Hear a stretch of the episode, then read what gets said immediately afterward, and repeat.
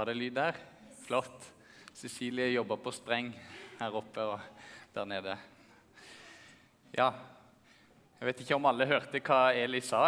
Kanskje jeg kan gjenta det. Jeg presenterer meg sjøl. Jeg er Kristoffer Nevdal eh, og har eh, til nå studert ved Fjellhaug i fem år. Jeg er nettopp ferdig med en mastergrad der. Og, eh, og i sommer så fikk jeg og Kristin den store glede å få bli foreldre til lille Philip. Så vi er nybakte foreldre og ja, kjenner at vi er litt trøtte, men ellers går det veldig greit. veldig kjekt å få, ja, få bli kjent med han. Ja. ja. Vi skal lese søndagens tekst fra Johannes evangeliet kapittel 8, vers 31 36. Vi reiser oss.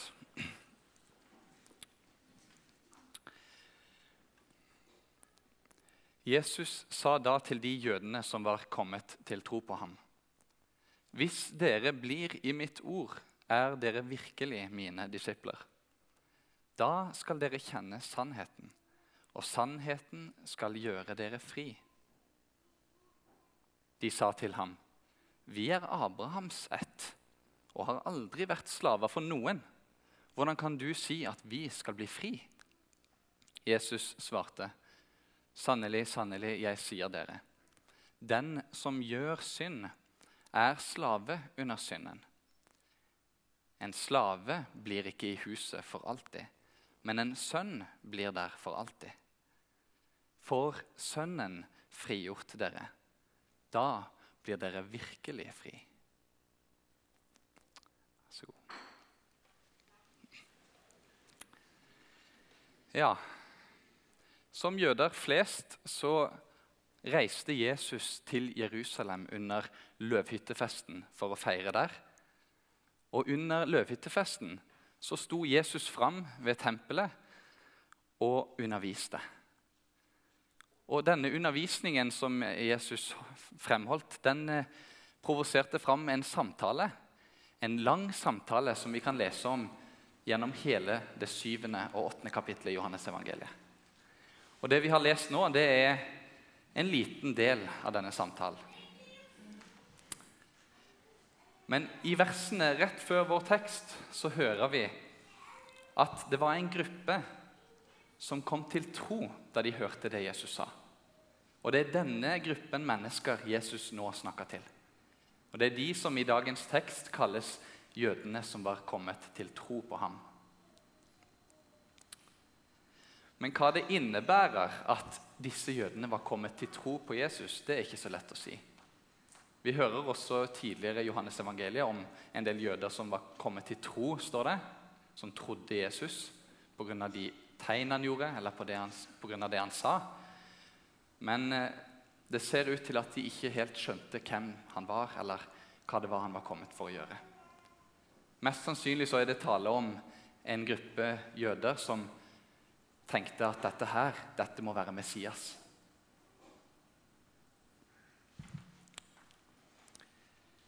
Og, og, det ser også ut til å være tilfellet i vår tekst i dag at disse jødene var Ja, Jesus han, han, han eh, snakka til dem som om de ikke er helt frigjorte. De er ikke virkelig hans disipler ennå. Derfor begynner han med å si hvis dere blir i mitt ord, er dere virkelig mine disipler. Da skal dere kjenne sannheten, og sannheten skal frigjøre dere. Så de, altså, de har en slags tro, men de er ikke frigjorte, ifølge Jesus. Men når Jesus sier dette, så treffer han en nerve hos disse jødene. Og De blir provosert, og de svarer med en gang Vi er Abrahams ett. Vi har aldri vært slaver for noen. Hvordan kan du da si at vi skal bli fri? Og For dere som har gjort, eh, gått på søndagsskole og gjort leksen deres, så er det kanskje litt rart at disse jødene sier de aldri har vært slaver under noen. Vi husker jo at de har vært slaver hos egypterne, og vi vet at de var i, i Babylon. Og Også under Jesus' tid så var romerne eh, til stede i Jerusalem og hadde okkupert jødenes land. Så, men, likevel så så jødene på seg sjøl som frie. Det var en del av deres identitet. Og Dette minnet de seg sjøl om hvert år under påsken. For under påskemåltidet så hadde de flere ledd som skulle minne de om utgangen av Egypt. Og Da skulle den minste gutten i familien eller det minste barnet i familien spørre far. Han skulle stille flere spørsmål, og faren skulle svare. Og Når gutten da på et av disse spørsmålene spurte hva betyr dette, det vi gjør nå i måltidet, så svarte faren vi var slaver hos farao i Egypt. Men Herren førte oss ut av Egypt med sterk hånd. Som jøder og som Guds folk så ville de ikke gå med på at de var slaver under noen. For Herren var deres Gud, og han hadde ført de ut av Egypt. Og Derfor var de så strenge på at de ikke ville dyrke noen annen gud. Og De var så bestemt på dette at romerne til og med måtte gjøre unntak med jødene. At de fikk lov å dyrke i sitt eget tempel, tilbe sin egen gud i tempelet istedenfor å dyrke keiseren. Så dette satt i ryggmargen på jødene. De var frie. Hvem var han til å si at de ikke var fri? Men Jesus ser ikke ut til å være opptatt av politisk frihet eller religionsfrihet. Han tenker på et slaveri som stikker mye dypere. For han svarer de, Sannelig, sannelig, jeg sier dere, den som gjør synd, er slave under synden. Og om ikke disse jødene var provosert fra før, så blir de det i hvert fall nå. For disse jødene var gjerne jøder som la vekt på det å holde Guds bud. De, de ville på ingen måte eh, kalle seg slaver under synden. Og så Hvis vi leser videre resten av kapittel 8, så ser vi hvordan denne samtalen mellom Jesus og, og disse jødene utvikler seg. Og blir, De blir sintere og sintere, og det blir mer og mer eh, høy temperatur. Og Vi kjenner kanskje igjen reaksjonen. Hva ville folk i dag sagt hvis vi sa til dem at de var slaver under synden? Kanskje noen kunne sagt jeg er nå ikke så aller verst. Eller kanskje noen andre ville si jeg er kanskje ikke perfekt, men en slave under synden. Var ikke det å ta litt hardt i?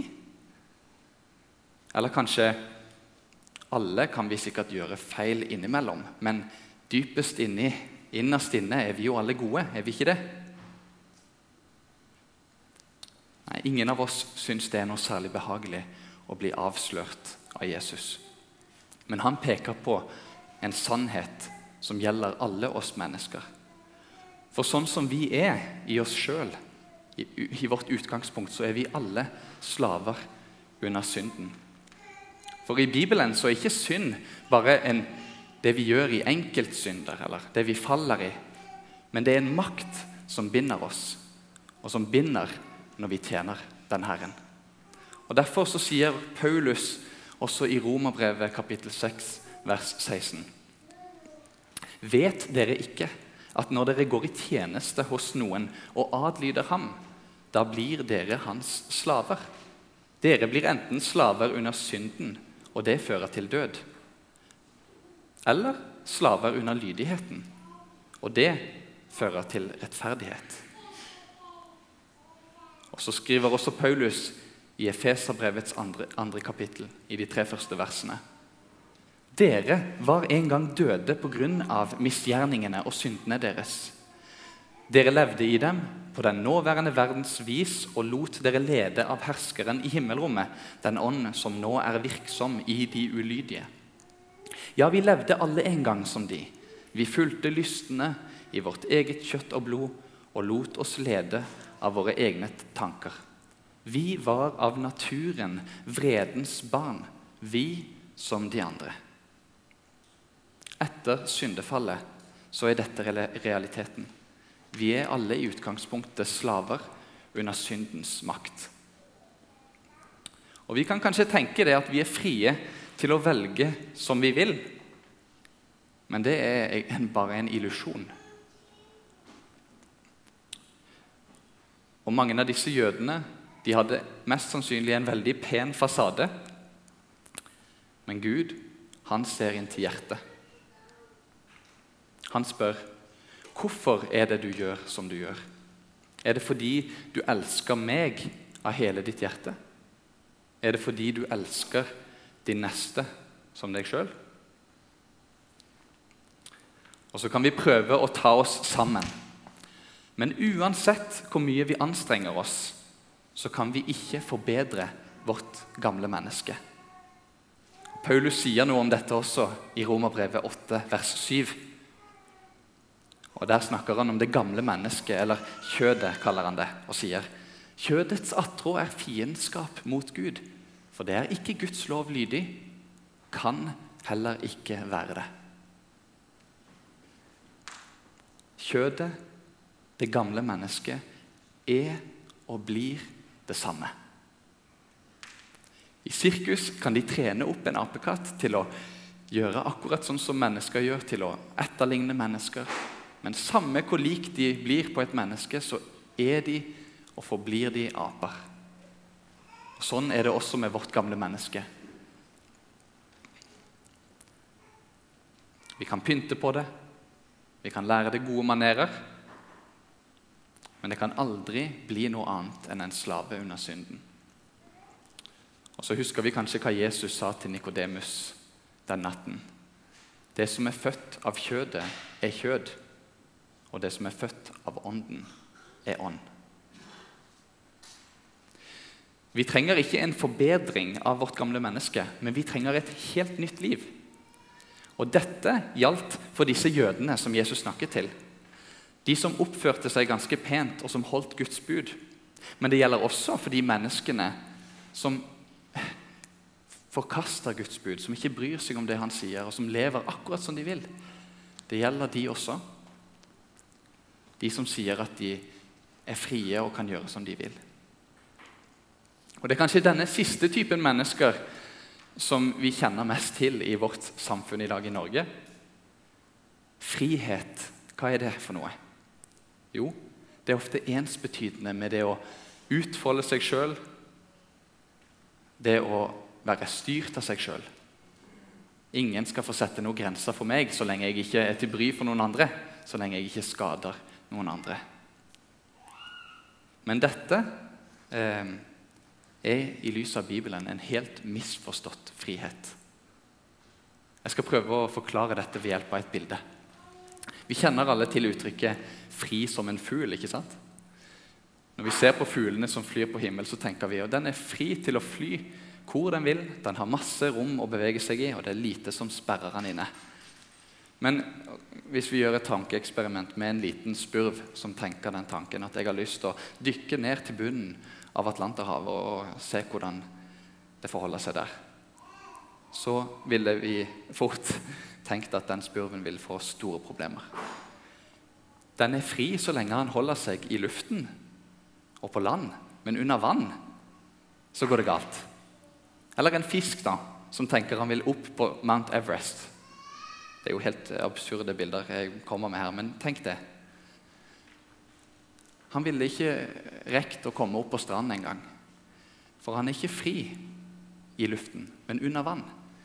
Fuglen og fisken er frie, men i sitt rette element, innenfor sine rammer. Innenfor sine grenser som Gud har satt for dem. Og Sånn er det også med oss mennesker. Gud har skapt oss til å leve i samfunn med Han. Til å elske Han, elske vår neste og oss sjøl. Til å være elsket av Han. Og han vet hva som er godt for oss, han som har skapt oss. Han vet hva frihet er for oss.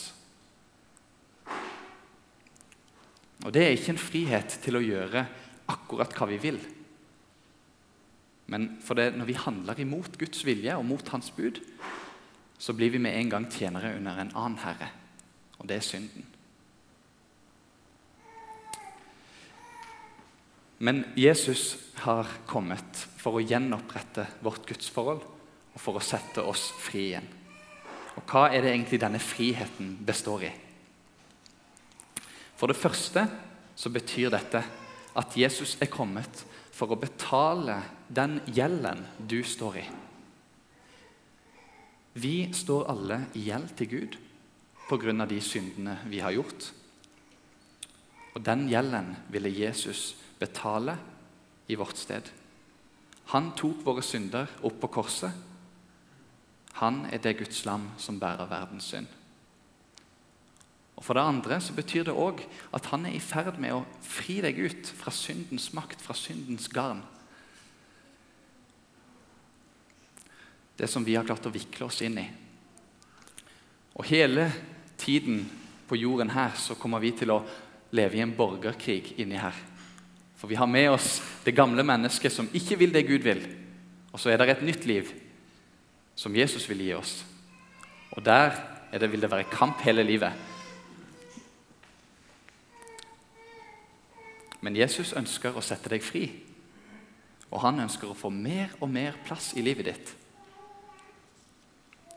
Og så i evigheten skal vi ikke lenger være bundet av noen synd. Der skal vi være helt fri. Fri fra det gamle mennesket. Men hvordan er det egentlig vi blir fri? Hva er det Jesus sier om det å få del i denne friheten? Han sier, 'Hvis dere blir i mitt ord, er dere virkelig mine disipler.' Det betyr, eller det er snakk om det å bli værende i Hans ord. Det å ta det til seg leve av det og leve i Hans ord. Da, sier Jesus, skal dere kjenne sannheten, og sannheten skal frigjøre dere. Når vi hører Jesus, eh, Jesu ord og blir værende, det, i, værende i det han har sagt, da lærer vi sannheten å kjenne. Men så kan vi spørre hva er egentlig sannheten? Hva er sannhet? I begynnelsen av Johannes evangeliet får vi et lite hint. Der står det, det at Jesus kom med nåden og sannheten. Det er en del av Guds frelsesgave det er snakk om. Og Litt seinere, i kapittel 14, kan vi høre at Jesus sier, 'Jeg er veien, sannheten og livet'. Jesus kommer ikke med en ny teori en ny filosofi. Det er ikke noe han kommer med som vi skal studere, eller som vi kan komme frem til ved, å, ved, å, eh, ved forskning eller den type ting. Det er snakk om å kjenne Jesus. Det er han som er sannheten. Sannheten i Johannesevangeliet er Jesus sjøl. Han vil at du skal se hvem han er og hva han har gjort for deg. Han vil at du skal se at i han finner du nåde for alle syndene dine. Og frigjøring fra synden, døden og djevelens makt. Vi setter et punktum der, og så skal vi gå videre til noe som Jesus sier videre i teksten. Vi merker oss det at Jesus videre snakker om forskjellen på det å være slave og det å være barn. En slave, sier Jesus, blir ikke i huset for alltid, men en sønn blir der for alltid. Og både i gammeltestamentlig og nytestamentlig tid var det ikke uvanlig å ha slaver. Det å være slave kunne på ingen måte sammenlignes med det å være et barn. En slave var, eh, hadde ikke de samme rettighetene. Hvis herren var misfornøyd med en slave, kunne han kaste han ut når som helst. Og En slave hadde på ingen måte arverett i det huset han arbeidet. Men sønnen, barnet, kunne få bo i huset fordi det var barn. Og det ble ikke kastet ut. Og bare i kraft av å være født, av å være barn, så var det arving allerede. Uten å ha gjort seg fortjent til noen ting. Dette er noe som Paulus også tar tak i i Galaterbrevets fjerde kapittel. Og Det er også forresten den teksten han snakker om der, det er fra første Mosebok, eh, flere kapitler der. Også spesielt kapittel 21, som også er en lesetekst for dagens søndag. Han snakker der om Abrahams to sønner. Den ene sønnen, Ismael, var født av slavekvinnen Hagar.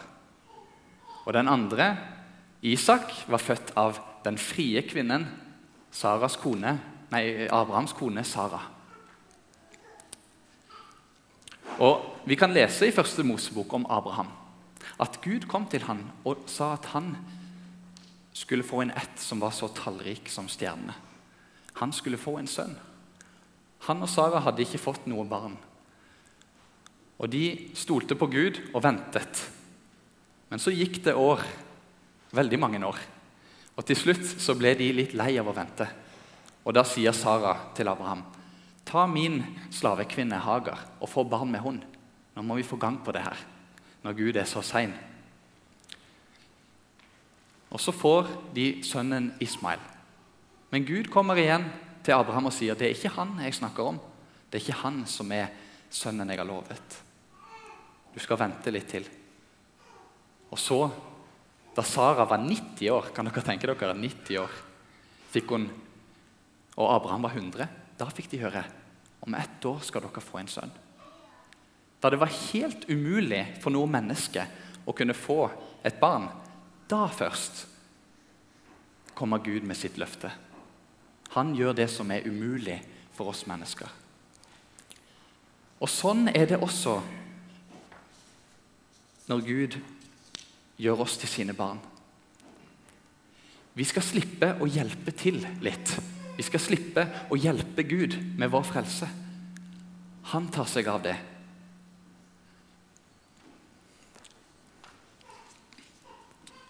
Det er på grunnlag av det Gud har gjort for oss, og på grunnlag av de løftene som vi hører i evangeliet, at vi får være Guds barn.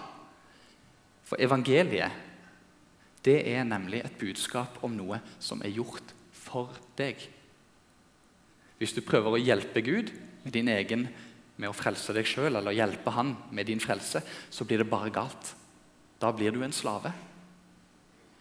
Du skal få være barn for Jesus skyld, og ikke for dine egne anstrengelsers skyld. Sånn er det å være barn. Og Derfor så skriver også Paulus i romerbrevet, som vi fikk høre Eli lese i begynnelsen av møtet, så er det da ingen fordømmelse for dem som er i Kristus Jesus. For livets ånds lov har i Kristus Jesus frigjort meg fra syndens og dødens lov. For det som var umulig for loven fordi den var maktesløs pga. kjødet, det gjorde Gud da han sendte sin egen sønn i syndig kjøds lignelse for syndens skyld, for at lovens rettferdighet skulle bli oppfylt i oss, vi som ikke vandrer etter kjødet men etter Ånden. Loven er jo god. Det er et uttrykk for Guds gode vilje. Men den kan ikke gjøre oss til Guds barn. Det er ikke noe galt med loven, men det er noe galt med vårt gamle menneske, med kjødet. For uten Jesus så sitter vi alle bom fast i slaveriet under synden. Vi klarer ikke å endre oss sjøl, men Gud gjør det vi ikke kunne gjøre sjøl. Og han sender sin egen sønn. Og gjennom Jesus har Gud allerede gjort alt ferdig for at du skal kunne kalles Guds barn. Jesus har betalt din syndegjeld. Han har oppfylt loven i ditt sted. Og så gir han deg rett til å kalles Guds barn. Du kan stole på han og bli hos han Og Jesus inviterer deg til å komme til seg og til å høre hva han har å si. Og han vil du skal bli i det han sier om seg sjøl. Og selv om vi her i tiden lever i borgerkrig mellom det gamle og nye mennesket i oss, så skal vi i evigheten få leve frie fra det gamle mennesket. Da skal kampen ta slutt. Der skal vi endelig være helt fri. Til slutt vil jeg bare si det at grunnen til at Jesus kan tilby deg frihet og frelse, det er fordi at han sjøl lot seg binde. I Getsemane kan, kan vi, eh, I Johannes evangeliets 18. kapittel kan vi lese om det at Jesus i Getsemane ble funnet av soldatene og vaktene, og de spør hvor er Jesus fra Nasaret. Og Da står Jesus fram og sier, 'Er det meg dere leter etter, så la disse gå.' Og Så fikk disiplene løpe av gårde mens Jesus sjøl ble bundet. Og Sånn er det også med oss. Jesus ble bundet for deg. Han tok din straff på korset for at du og jeg skulle få gå fri. Og Til slutt så har jeg lyst til å lese et salmevers fra en kjent islandsk salmedikter som heter Haltgrimur Petersson. Oversatt til norsk av Bernt Støylen. Det er på nynorsk. Jeg håper dere klarer å henge med. Guds sønn de tok til fange, men jeg vart gjeven fri. Og løyst vart band de mange, som jeg vart halden i. Mi synd og all min trengsel var hardhendt lagt på deg. Du åpna meg mitt fengsel, og bandi fall av meg. Jeg bed at bandi harde må binde hver min ledd fra fall og syndesnare og verdens ville sed. Gjev meg en viljug ande, eit lydig barnelag, som deg kan gå til hande, alt til min døyan dag. Skal vi be sammen?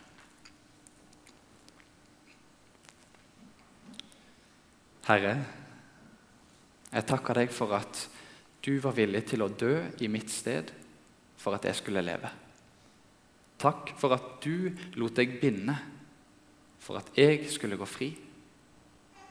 Jeg ber at vi daglig må gi mer og mer plass til deg i våre liv, Jesus. At du får vinne skikkelse i oss, slik at synden får mindre og mindre rom hos oss.